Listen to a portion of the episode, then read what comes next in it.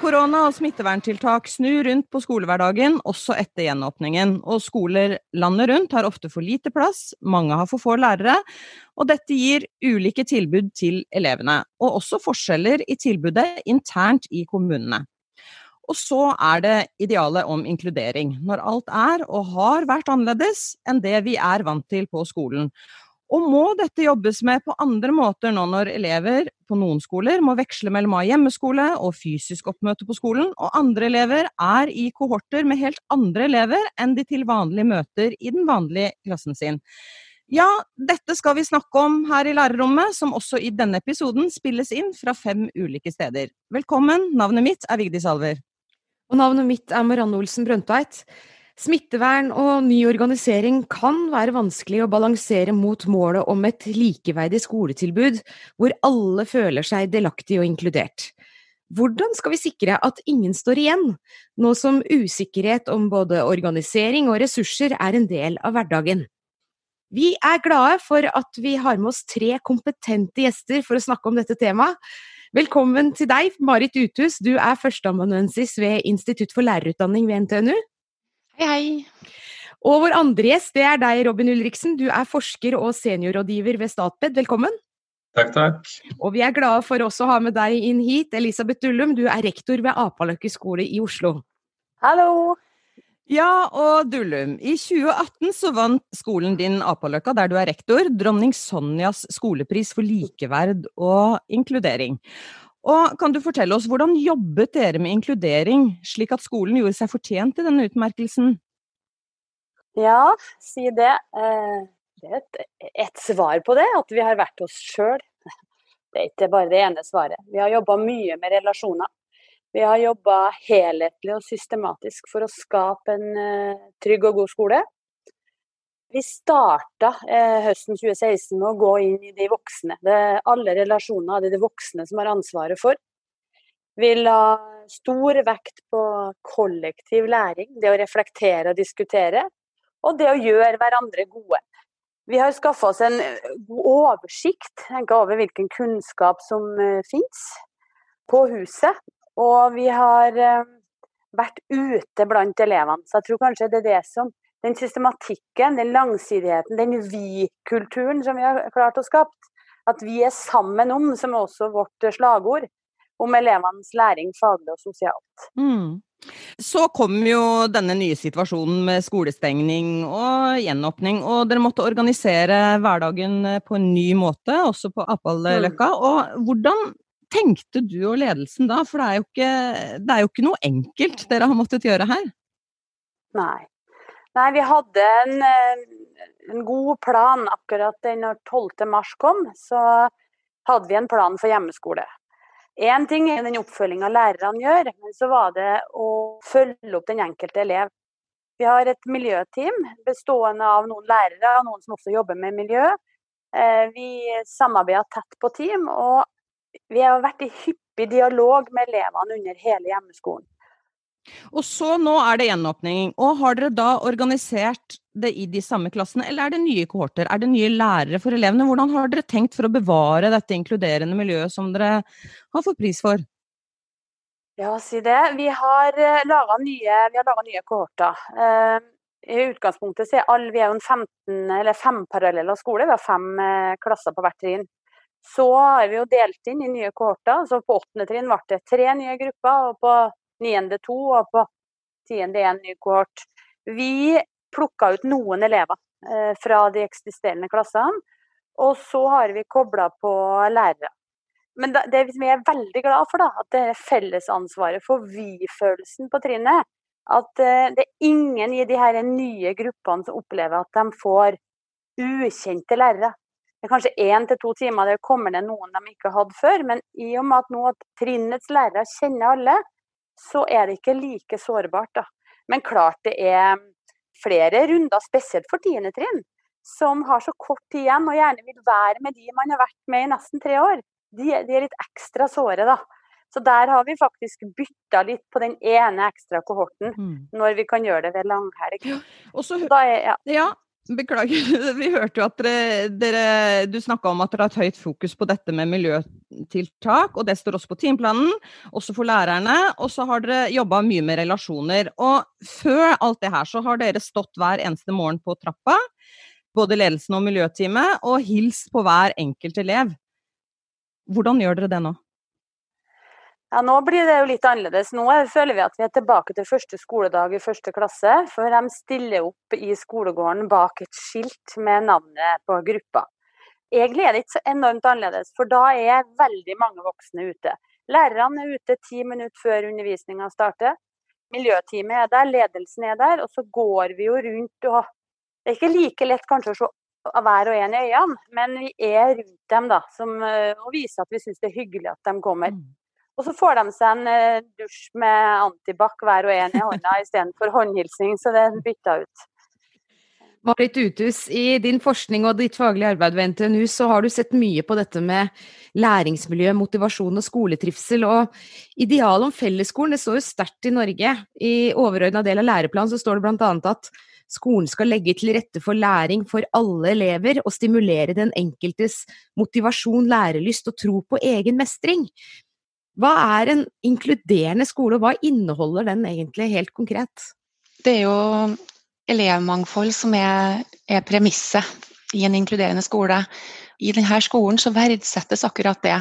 At mangfold eh, blir oppfatta som en ressurs. Og det som eh, det allerede er sagt her nå, at eh, det, handler om å, å sette i gang prosesser der man aktivt motvirker eh, utestenging og frafall. Så for elever med særskilte behov, som da kanskje trenger noe annet og mer for å kunne ta del på lik linje, så, så er inkludering noe mer enn fysisk å være til stede. Det handler om å initiere prosesser der de her elevene opplever det som allerede er sagt, med gode relasjoner, trygge relasjoner, oppleve å høre til og å mestre i, i, i faglige aktiviteter sammen med medelever. Så Vi kan ikke si om en skole er inkluderende eller ikke før vi vet noe om hvordan elever selv opplever det. Ja, for Du snakker om opplevelsen til elevene som det sentrale her. Hvordan arbeider de ansatte der da for å få dette til? Det er å være tett på, som det er sagt. Eh, det er de, det er de glimrende eksemplene her på det å, å være elevnær i perspektiv, men det er òg den felles kulturen som Elisabeth eh, snakker om at de har lyktes med å få til. Og det er en prosess som jeg tror krever bevisst, eh, bevissthet i, i, i ledelsen ved skolen. Og det er, det er ikke no, inkludering er ikke noe man oppnår en gang for alle. Og det er heller ikke et målbart fenomen. Sånn at det er de her prosessene over tid som er så sentrale. Så det var utrolig spennende å høre på Elisabeth. Mm. Jeg må ta med, ta med, en tur på besøk til, til skolen din, Elisabeth. Ja, velkommen. med denne tiden som bakteppe med isolasjon og hjemmeskoler, da gjør det det med inkludering i skolehverdagen da mer utsatt? Det er klart. Og vi har jo Det er godt belagt i forskning hvor viktig det relasjonelle møtet, det fysiske møtet mellom barn og lærere er. Det er kanskje den faktoren som både på kort og lang sikt har mye å si for barns trivsel, helse og læring. Så det er klart at når, når kontakten skal foregå digitalt og på telefon, så, så er det dårligere betingelser for for inkludering. Det er jo elever som har andre forutsetninger, som kanskje vil streve mer med, med, situasjonen hjemme, med det å jobbe selvstendig og som trenger mer støtte. Så det er helt klart en stor utfordring. Og du har tidligere nevnt hvordan de ansatte arbeider, men hva med læreren da inn i dette her, for det er jo en vanskelig balansegang de står i, og det er lett å havne da i en slags kryssild mellom smittevernregler på den ene siden og forventninger og behov på individnivå på den andre? Ja, og det er det jeg syns er, er, veldig interessant i denne koronatid, der det har vært veldig mye fokus i media på elever som har, står i risiko da, for å falle utafor mye mer fokus enn vi noen gang har hatt tenker jeg, på elever um, som står i vanskelige livssituasjoner, elever som trenger spesialundervisning i skolen. Og Det blir spennende å se. Det var en, en lærer som skrev en kronikk som, som, gikk over land og strand, som hadde fokus på at å, jeg håper vi kan høre mer om de her barna i normaltid også. Uh, og Det blir jo klart at utfordringa er jo det her med elevmangfold og hvordan imøtekomme alle under samme tak. Ingen vet det her bedre enn lærerne selv. De står i det hver dag og i normaltid. Så nå har vi fått det synliggjort. Og det vil jeg tro og håpe at kommer noe godt ut av. For det handler mye om ramma det her. Det handler mye om arbeidsvilkårene lærere har. I tillegg til de her prosessene som Elisabeth forteller om at de jobber med da, på, på skolen. Mm. Robin Ulriksen, som forsker ved Statped, så har du også ved flere anledninger i den siste tida uttrykt at du er bekymra for at skolen, i den formen vi har sett og som vi er inne i nå i denne krisa, har en pris som kan bli høy å betale for enkelte elevgrupper. Og hvilken pris er det de betaler?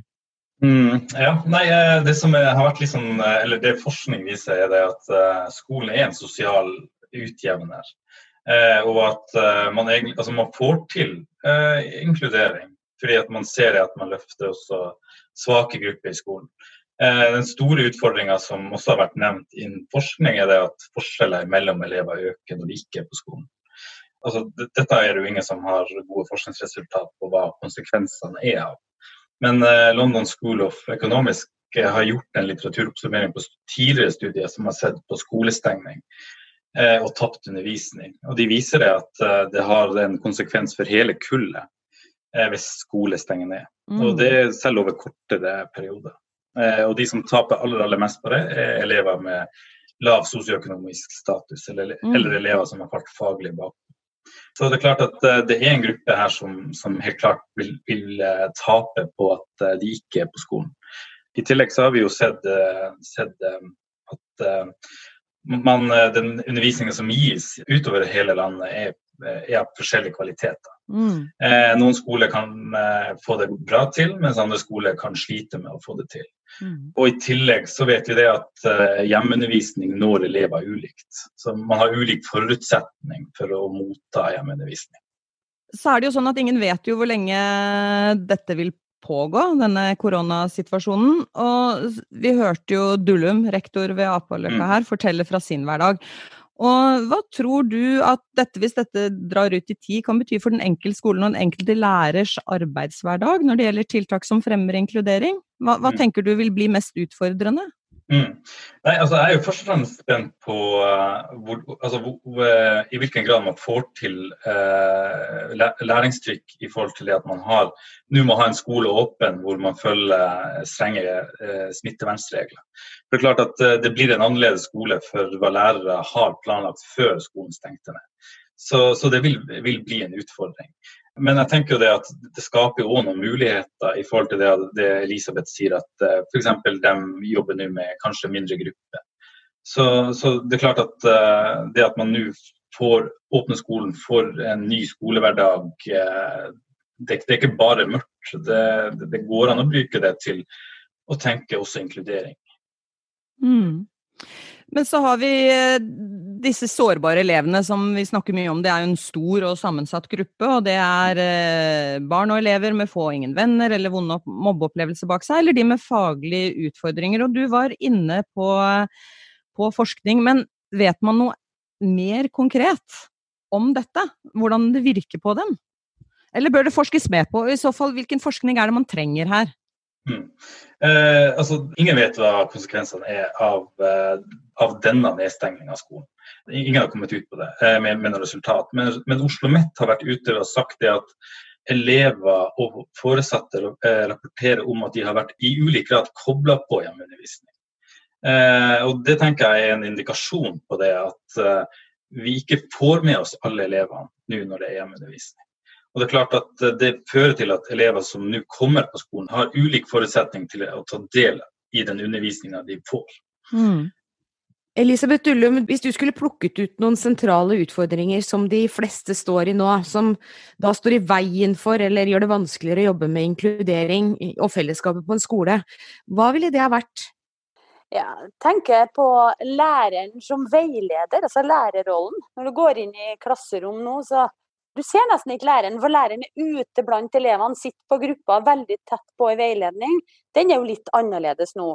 Og så er det jo også annerledes det med å ha de midttimeaktivitetene våre. Det kjenner vi på. For vi har hatt eh, en av suksessene våre har vært å aktivisere elevene i midttimen. Både opp i miljøgang og ut i idrettshallen eller rundt vannet her. Og der må vi jo være mer kreative og gjøre andre ting nå, for de kan ikke være så tett på. da. Det hører jeg at de savner de aktivitetene, så da må vi være kreative og tenke noe annet. Marit Uthus, du ønsket å kommentere det? Jeg, jeg, tenker mer på det her spørsmålet du stilte, og, og hva er utfordringa nå knytta til inkludering da, i, i, den situasjonen vi står oppi. Og da syns jeg det er viktig å ha fokus på det her å være tett på eleven igjen. Det her med myndiggjøring altså er så sentralt innenfor det spesialpedagogiske feltet. Det å lytte til eleven selv og til foreldre Eh, og, og, og prøve å forstå deres situasjon. Så kanskje det å bli en sånn vei å gå fremover, at man prøver å praktisere det i enda større grad da, enn før. Um, nå kan det jo være veldig vanskelig for elever å, å snakke på telefon med læreren sin. Men det å være tett på foreldre og lytte ut. Hvordan går det, hva trenger dere? Det er en så mangfoldig gruppe. Det er elever som er sårbare, som vi har begynt å kalle det i skolen. Det er elever i vanskelige livssituasjoner, men det er òg elever som mottar spesialundervisning. Så, så det å lytte ut og prøve å, å, strekke seg mot og imøtekomme de behovene som er der, da, for de tror jeg er like forskjellig som det er mennesker der ute. Mm. Ja, Dullum, du nikker til det Ute sier her. Ja, jeg tenker det her eh, dialogen. Da har vi hatt en erfaring noen eh, par måneders tid på akkurat at vi har hatt en annen type dialog. Det er jo noen lærere som sier at de har snakka mer med elever og foreldre. Vi hadde veldig, Du skulle ringe foreldrene en gang i uka eller annenhver uke, elevene hver uke. Men det å utnytte det Det er jo eh, noe hjem nå som har fått ansvar for opplæring litt nærere enn tidligere. Så det er den, akkurat det Marit sier, den dialogen med elever. Der er det viktig med det fysiske møtet. Da. Så vi har gjenåpna til å ha fysiske samarbeidsmøter her på skolen. For det oppleves mye bedre for ikke minst elever og foresatte å få sitte i samme rom og snakke om utfordringer. Ja, for i dette her som du snakker om, så handler det også om å lytte. Og nå er det jo mye som skal tas igjen. Det er jo eh, vært en glippe eh, som vi har stått i. Men dette med prestasjonspress og stress, står det i konflikt med å ha inkluderende verdier i skolen? Ja, eh, tenker at som ledelse så er det veldig viktig at du er tydelig. Vi har vært veldig tydelige på nå at ikke elevene skal nedleses av de gode gammeldagse heldagsprøvene, de som har ligget der eh, fra før. Så Vi har snakka mye om hvilke kunnskaper og ferdigheter, hvilken kompetanse har elevene fått vist. For hvis de nå skulle komme tilbake til skolen og ha fått en gammeldags prøveplan, så har, vi, har de kommet til å drukne. Så vi har fått snakka mye om hvilken, hvordan får elevene vist ferdigheter på andre måter. Jeg vet ikke om jeg har helt svart på spørsmålet, men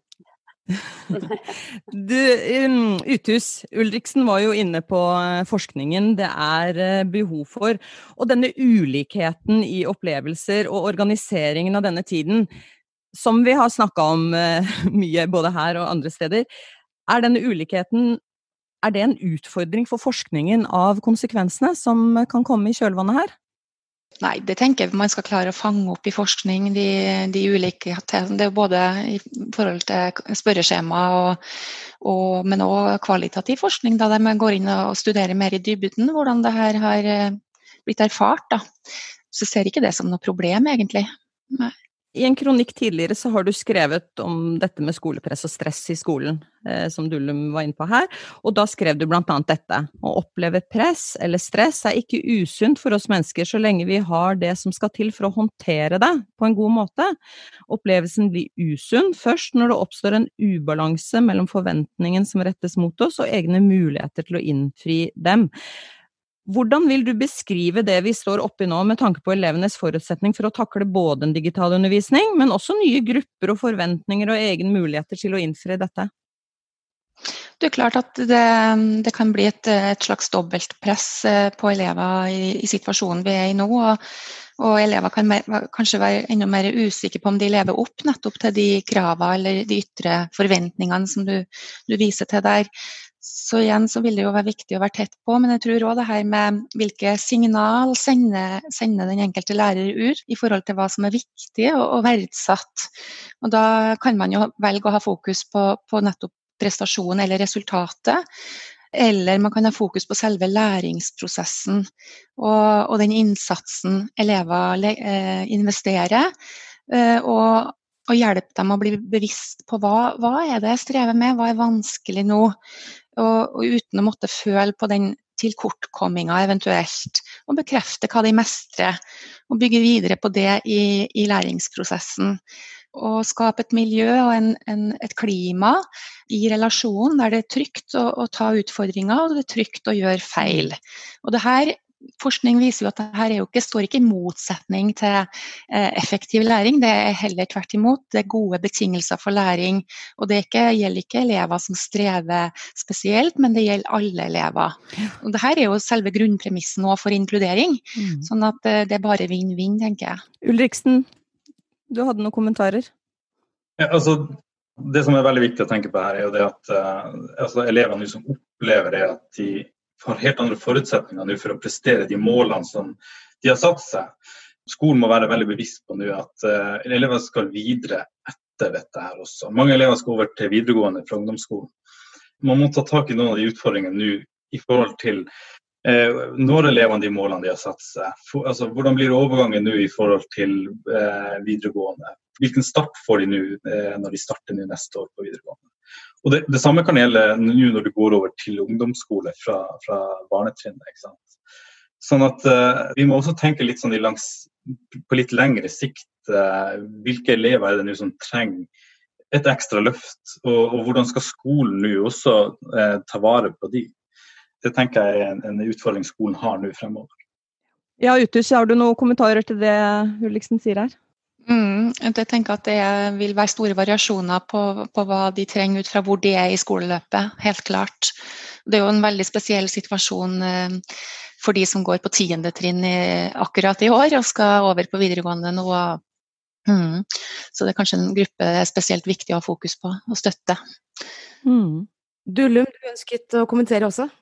Ja, og akkurat det som snakkes om her, har vi jo kjent litt på. da, For den, de siste månedene i 10. klasse så er man, vi har lyktes så innmari med å, å hjelpe elevene i flytsonen. Inn i flytsonen, ut av eh, ungdomsskolen, for å være på høyden eh, så godt de klarer inn i eh, videregående. Og I Oslo så blir man spredd overalt. Vi er veldig glad for at vi fikk dem tilbake nå. Og det å kjenne på tilhørighet, trivsel, være mye sammen. Og så ser vi at det er noen aktiviteter man har mista det herre Elevene kom nå og spurte kan vi få ha de mattekursene vi ikke hadde på kveldstid. For det har vært noen sånne fine tiltak eh, med matematikkurs med kjente lærere i helg, kveld, eh, skrivekurs. For, og det har vært samlende. Det har vært med og skapt en inkluderende skole. Det handler ikke bare om å jakte på eh, grunnskolepoeng, men det å være sammen om å jobbe i de enkelte fag. Så vi, vi lurer på liksom, hvordan skal vi klare å tette det. Vi har jo en måned til for å ruste dem enda bedre inn i overgangen eh, til videregående. Da. Og Vitnemålsutdelinga det spør de om hver dag. For det, alt som er brudd i tradisjoner, det er vanskelig. Og det betyr mye for den enkelte å gå ut med, med godfølelsen fra ungdomsskolen og inn i videregående. Og Det nevnes også overgang barne- og ungdomsskole gjøres på en annen måte nå. sant? Ulriksen, hvor lenge kan eh, Skole-Norge egentlig klare seg med så mange lokale og ganske store forskjeller? Trenger man noen minstekrav på nasjonalt nivå, slik du ser det? Mm. Og hva skal i så fall eventuelle slike modeller inneholde? Ja, altså jeg tenker det at uh, ting, gjør, altså, ting blir iallfall mer forutsigbart for skolen hvis det kommer, hvis det settes noen uh, noen eh, sentrale krav. Eh, det vil jeg tro. Eh, samtidig så ser vi jo at regjeringa har bevilga 40 millioner til sårbare elever. Og da er det jo selvfølgelig autonomien til hver enkelt kommune og skole også til antagelig å, å kunne sette i gang kompenserende tiltak ut ifra de midlene de får. da. Men, men, det er klart at jeg tenker det at jeg tror veldig mange skoler får dette til. Eh, men jeg tror også variasjon i hvordan man har jobba i forkant i forhold til enkeltelever og i forhold til generelt eh, undervisningskvalitet vil påvirke på en måte forskjellen som, som eh, antagelig vil eksistere nå mellom skolen nå når vi får elever tilbake. Eh, og da tenker jeg iallfall det at eh, hvis man skal ha kompenserende tiltak, så ville jeg kanskje ha vært litt mer spesifikk på hva de skal være. Nå hører vi jo at Elisabeth og dem får det til på, på, på en god måte, antagelig med, med, interne ressurser. Men det er klart at nå når kommunene har tilleggsressurser, så, så, må man begynne å snakke om hva, hva skal man bruke det på. da. Hva blir det viktigste framover nå for denne sammensatte gruppa av sårbare, vil du si? Altså Det viktigste tenker jeg er å identifisere de elevene som faktisk trenger en ekstra innsats. Eh, og Jeg er også veldig sånn, redd for at eh, eh, de elevene man kunne tenke seg var sårbare før skolen stengte, det er flere elever nå som vil være i den gruppa. Eh, så Derfor tenker jeg det er mer krevende også for skolen nå å velge ut eh, elever som eventuelt skal få tilgang til kompenserende tiltak. Men eh, jeg tenker det er veldig veldig viktig nå at, skolen får en oversikt over, over hvilke elever man må hjelpe, kanskje med ekstra tilbud. Ja, Uthus, er det noe du vil kommentere til dette? Nei, jeg tenker at det er jo det her å, å finne en gode løsninger på den enkelte skole i balansen mellom å ivareta smittevern og smitt hensyn, og, og imøtekomme elever og, og, deres forutsetninger og behov. Så det er jo det her å få kanskje klare nasjonale standarder. Og at ikke, ikke de trenger å lure på om de, om de følger de her smittevernhensynene. Og, og, det med, som Robin er inne på, med å, å ha tilskudd, altså økte bevilgninger til denne gruppa over tid. Mm. Ja, og med de tankene og forslagene så setter vi strek for denne spennende samtalen og sier tusen takk til dere som var gjestene våre i episoden. Elisabeth Ullum, Robin Ulriksen og Marit Uthus. Og Marianne og jeg, vi sier også takk for oss. Og vi er snart tilbake med en ny episode med et nytt tema fra utdanningsfeltet. Det er vi, Vigdis. Og vi sier også tusen takk til alle dere som lytter til Lærerrommet. Fortell gjerne om podkasten til alle dere kjenner. Gå gjerne inn i din podkastkanal og lytt til våre tidligere episoder, og husk å abonnere. Vi er tilbake om ikke lenge. Ha det! Ha det!